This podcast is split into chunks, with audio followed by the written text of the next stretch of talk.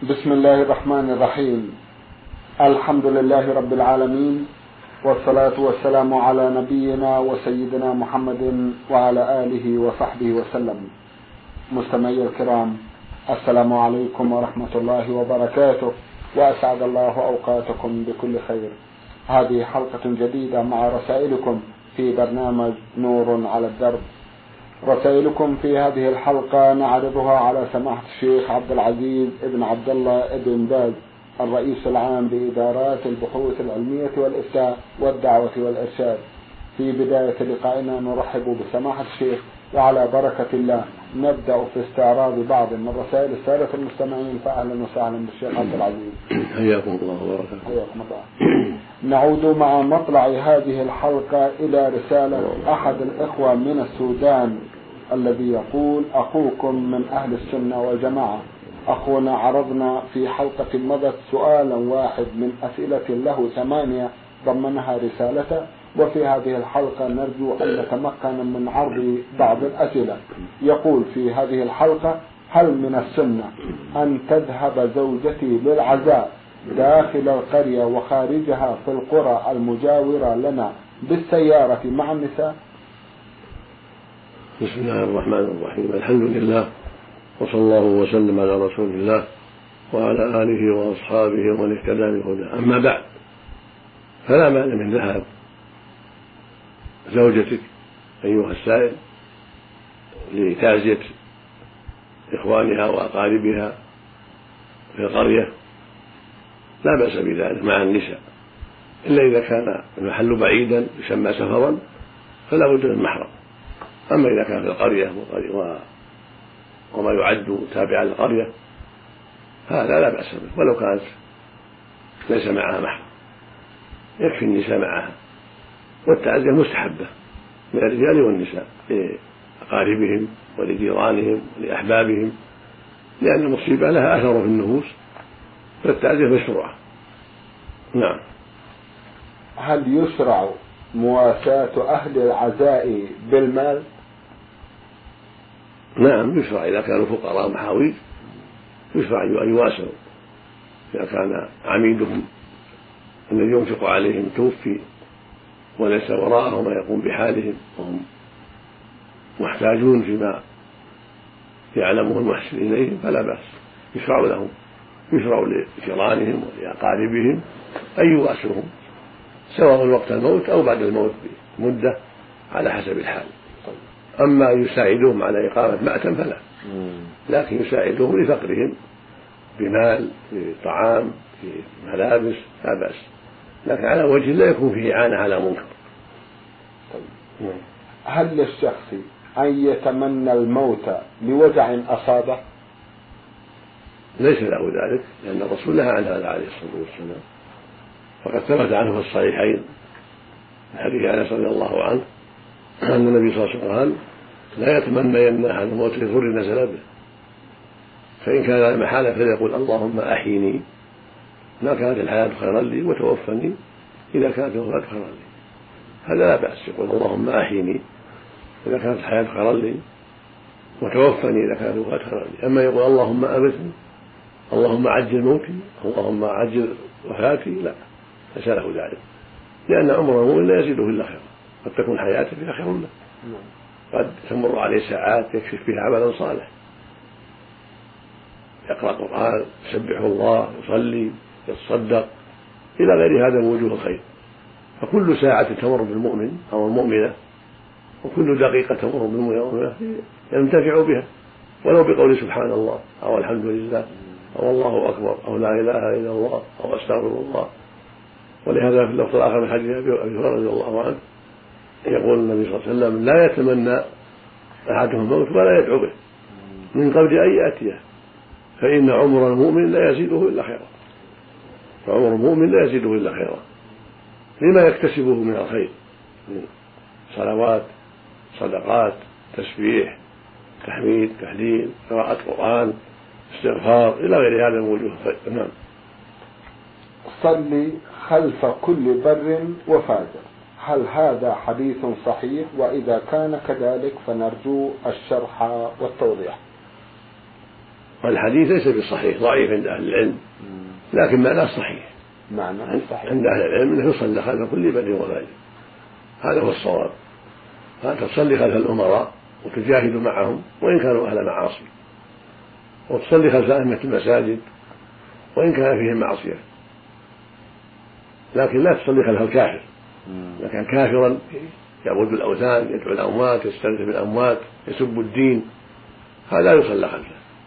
لكن ما دام عنده معاصي لكنه مسلم فيصلى خلفه. ويجاهد معه. إذا كان أميرا في جهاد الكفار. نعم. من صحت صلاته لنفسه صحت لغيره. هل ولو كان يقر البدع؟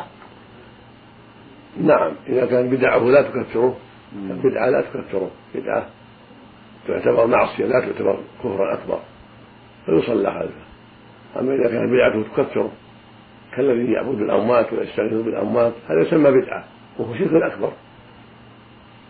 فهذا لا يصلى خلفه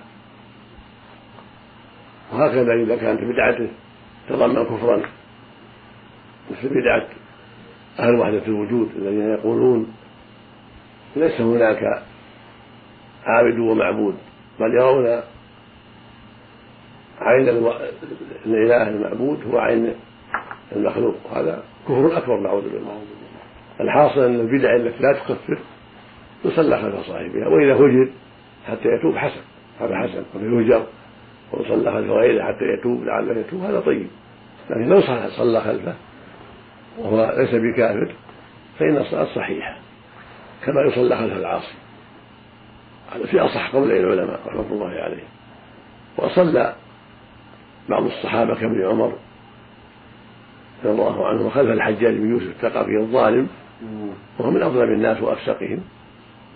وصلى خلفه جم غفير من السلف الصالح في الحج فلا بأس. نعم. هل من السنة الوعظ في المقبرة لجمع المشيعين؟ إذا تيسر ذلك فهو حسن. إذا تيسر وعظهم وتيسر من يوصي له ويستفيد فهو مستحب. فثبت عن النبي صلى الله عليه وسلم أنه وعظ الناس في المقبرة. لما أتوا إلى قبر ولما يلحد وجلس مع اصحابه ذكرهم عليه الصلاة والسلام وبين لهم حال العبد إذا وضع في قبره وسألوه عن القدر. قالوا هل نعمل في أمر مضى أو في أمر مستأنف؟ فقال في أمر مضى. فقالوا يا كيف العمل؟ ونحن قد فرغ من أمرنا. فقال عليه الصلاة والسلام اعملوا فكل ميسر لما خلق له. أما أهل السعادة فيسر لعمله السعاده السعادة. وأما أهل الشقاوة فيسر لعمله الشقاوة. ثم تلا قوله سبحانه فأما من أعطى واتقى.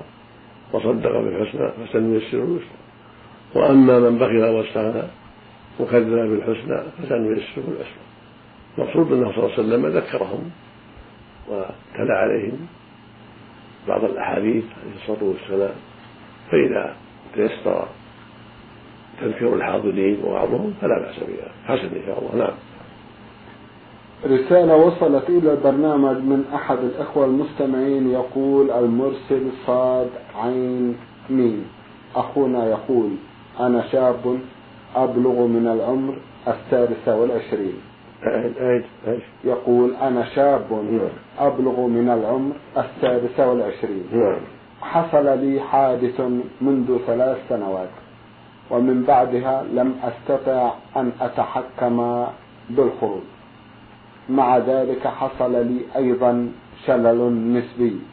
هل يجوز لي أن أقرأ القرآن وأصلي بالتيمم؟ وهل يصلح التيمم على جدار المنزل؟ هذا السؤال مجمل. فإذا كان مراد السائل أنه لا يستمسك البول فإنه يصلي على حسب حاله ويصلي من نعمه بالتيمم. وهكذا إذا أصابه الشلل فصار لا يستمسك بوله. بل يخرج فإنه يستنجي إذا دخل الوقت يتوضأ إذا دخل الوقت مثل المستحاضة. إذا دخل الوقت استنجى وتوضأ وضوء الصلاة ثم صلى ولو خرج شيء. فاتقوا الله ما استطعتم. لكن يتحفظ به. يعني يعصب على ذكره شيئا حتى يخفف عنه النجاسة. كالمستحاضة تجعل في في فرجها شيء يسد الدم في وقت الاستحاضة. وهو الدم الذي يجري معها دائما غير الحيض. هذا والمستحاضة وأشباههم الواجب عليهم أنهم يستعملون ما يخفف الخارج في قطن ونحوه ويتوضأ الواحد منهم إذا دخل الوقت يستنجي ثم يتوضأ وضوء الصلاة ثم يصلي على حسب حاله. وإذا كان معه ما يمنع الوضوء لأن معه مرض يشق معه الماء فإنه يتيمم يضرب التراب بيديه أو الجدار الذي فيه التراب يحكه ويضرب التراب ويمسح به وجهه وكفيه إذا كان الجدار جدار جدار لبن حكه يكون فيه غبار ضربه وإلا ضرب الأرض. هذا إذا عجز عن الماء نعم. بارك الله فيكم. والدي حلف يمين على عدم إدخال الفيديو في البيت. ونظرا لحالتي فقد أدخلت الفيديو دون علمه. ما الحكم؟ انصحوني جزاكم الله خيرا. أعيد. يقول والدي حلف على على عدم إدخال الفيديو داخل البيت. ونظرا لحالتي فقد أدخلته دون علمه. أفيدوني عن الحكم جزاكم الله خيرا.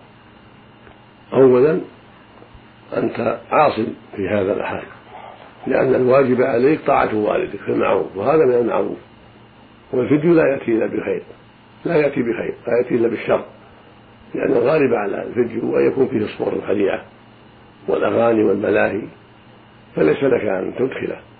حتى ولو كان سليما عليك أن تطيع والدك. من باب سد الذريعة. فأنت عاصم بهذا وعليك التوبة إلى الله وإخراج الفيديو والوالد ليس عليه كفارة لأنه لم يعلم. لكن أنت أنت العاصي وأنت الذي عليك التوبة إلى الله وإخراج الفيديو من البيت طاعة لأبيك وحذرا من شر الفيديو لأنه في الغالب لا يسلم من أن يكون فيه ما يغضب الله من الصور الخليعة والكلام المحرم والأغاني المنكرة ونحو ذلك. نسأل الله لنا ولك الهداية. من عمران فرغلي عمران مصري يعمل بالقصيم في بريدة هذه رسالة يقول فيها هل من الجائز أن يدعو الإنسان ربه لكي يبعده عن الفتن والابتلاء في الدين أو النفس أو المال أو الولد رغم أنه قد جاء في كتابه العزيز قوله تعالى أحسب الناس أن أحسب الناس أن يتركوا أن يقولوا آمنا وهم لا يفتنون. وأيضا قوله تعالى ولنبلونكم بشيء من الخوف والجوع ونقص من الأموال والأنفس والثمرات وبشر الصابرين. وقوله تعالى على لسان بعض المنافقين لرسول الله صلى الله عليه وسلم عند الخروج لبعض الغزوات ائذن لي ولا تفتني ألا في الفتنة سقطوا وإن جهنم لمحيطة بالكافرين. صدق الله العظيم. والسلام عليكم ورحمة الله. نعم نعم. لك أن تسأل ولك أن تعول بالله من الفتن ما ظهر منها وبطن ومن مضلات الفتن. فقد تعوذ النبي صلى الله عليه وسلم الفتن وصح عنه ذلك عليه الصلاة والسلام. فكونها تقع لا يمنع من التعوذ منها هي تقع. وبعض الناس يضل بالفتنة ويهلك. فلا مانع من أن تسأل ربك. اللهم أعذني من الفتن. ما ظهر منها بطن اللهم أعذني من مضلات الفتن اللهم أعذني من الفتن بمالي وبولدي تسأل ربك العافية من هذه الفتن. فالأموال فتنة والولد فتنة وبعض الزوجات وبعض الأقارب فتنة. فأنت تسأل ربك العافية فقد فقد تفتن بولدك فتضل بسببه وقد تفتن بمالك فتضل بسببه. تفتن بزوجتك فتضل بسببها. تفتن بأصدقائك فتضل بسببهم. إلى غير ذلك. فسؤال الله العافية من الفتن. أمر مطلوب شرعا نعم. هذه رسالة وصلت إلى برنامج من المنطقة الشرقية وباعثها أحد الإخوة من هناك يقول سيد عين عين عين. أخونا يقول في رسالته في مرة من المرات حلفت على زوجتي وقلت إذا استعملت أي نوع من العطور أو الحنة والتي تستعمل بالعطور أو جاملت بها لإحدى النساء وذلك أثناء وجودي بالشدة التي نسكنها فإنك تكوني طالق ولم أتخذ هذا القرار إلا بعد جهد وتكرار ومحاولات لإقناعها لتترك استعمالها أثناء وجودي.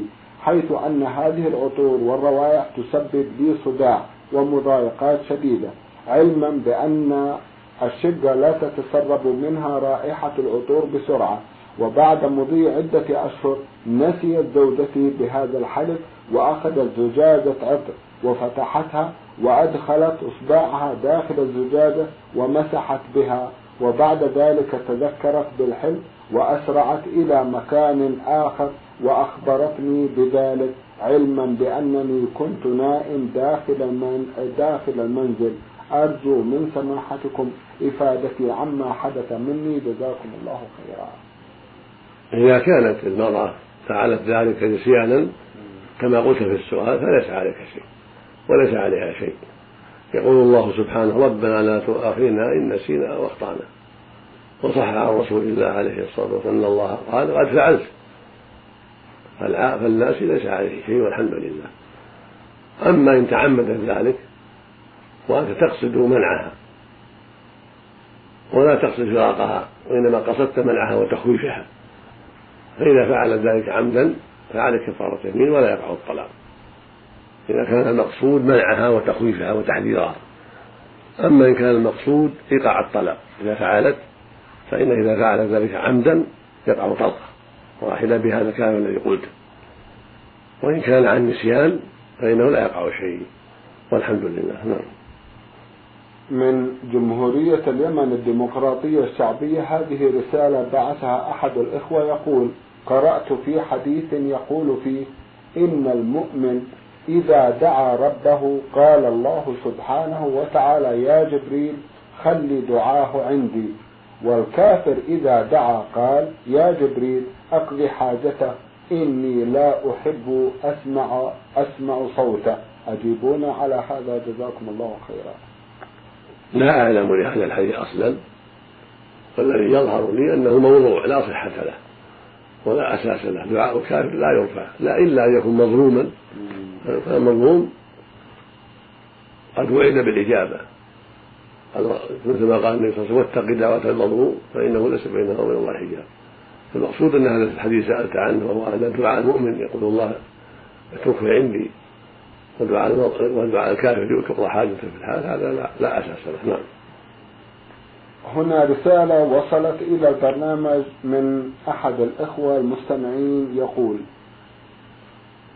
هنالك بعض الناس يقولون إن الجنة عرضها السماء والأرض.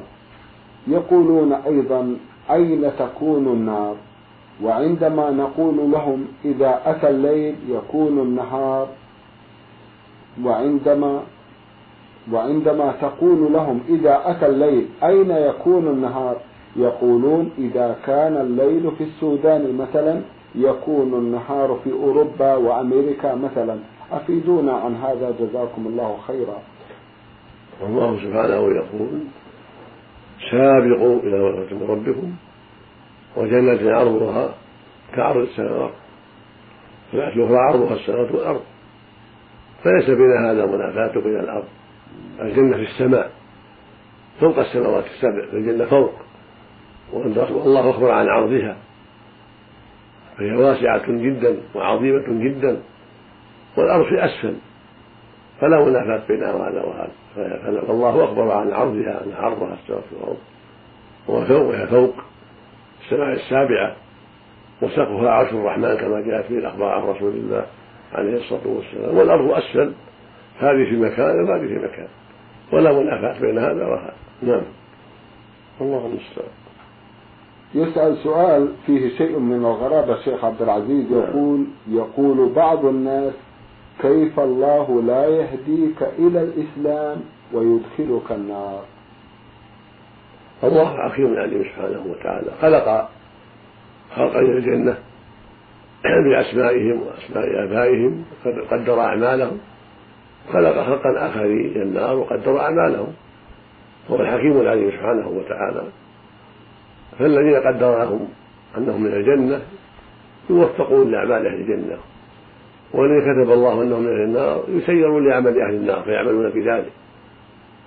كما قال عز وجل فأما من أعطى واتقى وصدق بالحسنى فسنيسره يسرا وأما من بخل واستغنى وكذب بالحسنى فسنيسره يسرا فالجنة أهلها معلومون والنار أهلها معلومون وكل ميسر لما خلق له.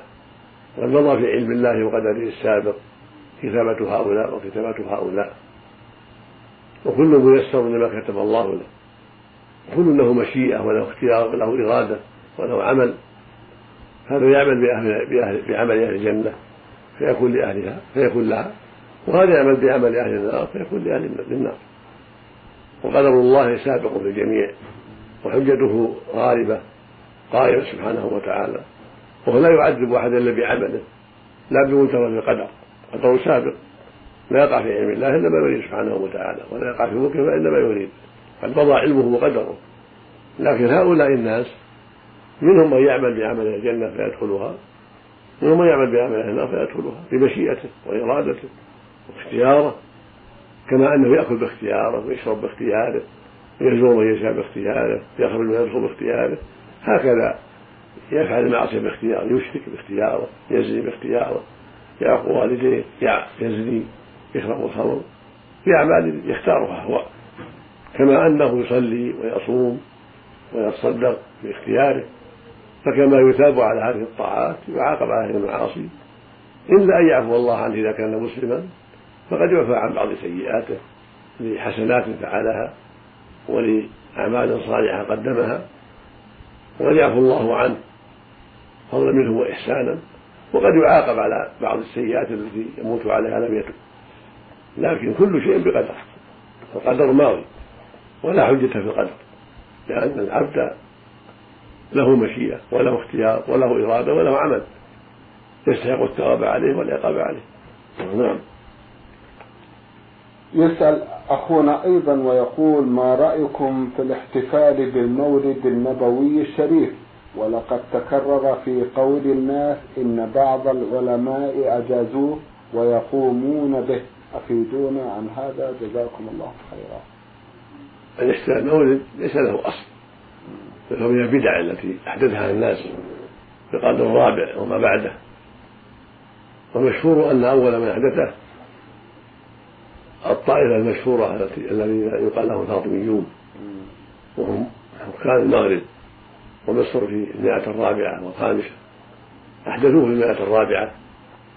باسم العلي والحسن والحسين وفاطمة. باسم النبي صلى الله عليه وسلم واسم حاكمهم. ثم انتشر بعدهم. ولم يكن هذا في القرون المفضلة ولا في عهد النبي صلى الله عليه وسلم. فلهذا ذكر المحقق من العلم أنه بدعة. لقول النبي صلى الله عليه وسلم من عمل عملا ليس عليه أمره فهو رد. ولقوله صلى الله عليه وسلم من أحدث في أمرنا هذا ما ليس له فهو رد. يعني فهو مردود. ولا عبرة بما يفعله اليوم وكثرتهم لأنهم تورثوا هذا عن أسلافهم والقاعدة التي درج عليها العامة والكفرة قبل النبي صلى الله عليه وسلم إنا وجدنا آباءنا أمة وإنا على آثارهم مقتدون. فليس في اتباع الآباء حجة. إذا كان عملهم ليس على أساس متين ليس على دليل. كما أن أعمال الكفار ليست حجة. ولهذا أنكر الله عليهم ذلك. وأمرهم باتباع النبي صلى الله عليه وسلم. ولم يجعل لهم عذرا في اتباع أسلافهم بل عابهم على ذلك. فأنت يوم أيها المؤمن كذلك. ليس لك أن تتبع أباك ولا جدك ولا أهل بلدك إلا فيما شرعه الله. أما ما نهى الله عنه فليس لك أن تتبعهم ولو كثروا. فلو أن أهل بلدك صاروا يشربون الخمر فليس لك أن تفعله معهم. ولو كانوا يزنون كذلك ولو كانوا يعقون والديهم ليس لك أن تفعل مثلهم. فهكذا إذا فعلوا البدع ليس لك أن تتبعهم بل تدعو لهم بالهداية تنصحهم توجههم إلى الخير ولا تفعل معهم ما حرم الله من البدعة كما أنك لا يسوء أن تفعل معهم الزنا أو الخمر أو العقوق أو الربا أو ما أشبه ذلك. نعم. سماحة الشيخ في ختام هذا اللقاء أتوجه لكم بالشكر الجزيل بعد شكر الله سبحانه وتعالى على تفضلكم بإجابة السادة المستمعين وآمل أن يتجدد اللقاء وأنتم دائما على خير. نرجو ذلك. مستمعي الكرام كان لقاؤنا في هذه الحلقة مع سماحة الشيخ عبد العزيز بن عبد الله بن باز الرئيس العام بإدارات البحوث العلمية والإفتاء والدعوة والإرشاد. من الإذاعة الخارجية سجلها لكم زميلنا يحيى عبد الله إبراهيم. شكرا لكم جميعا وسلام الله عليكم ورحمته وبركاته.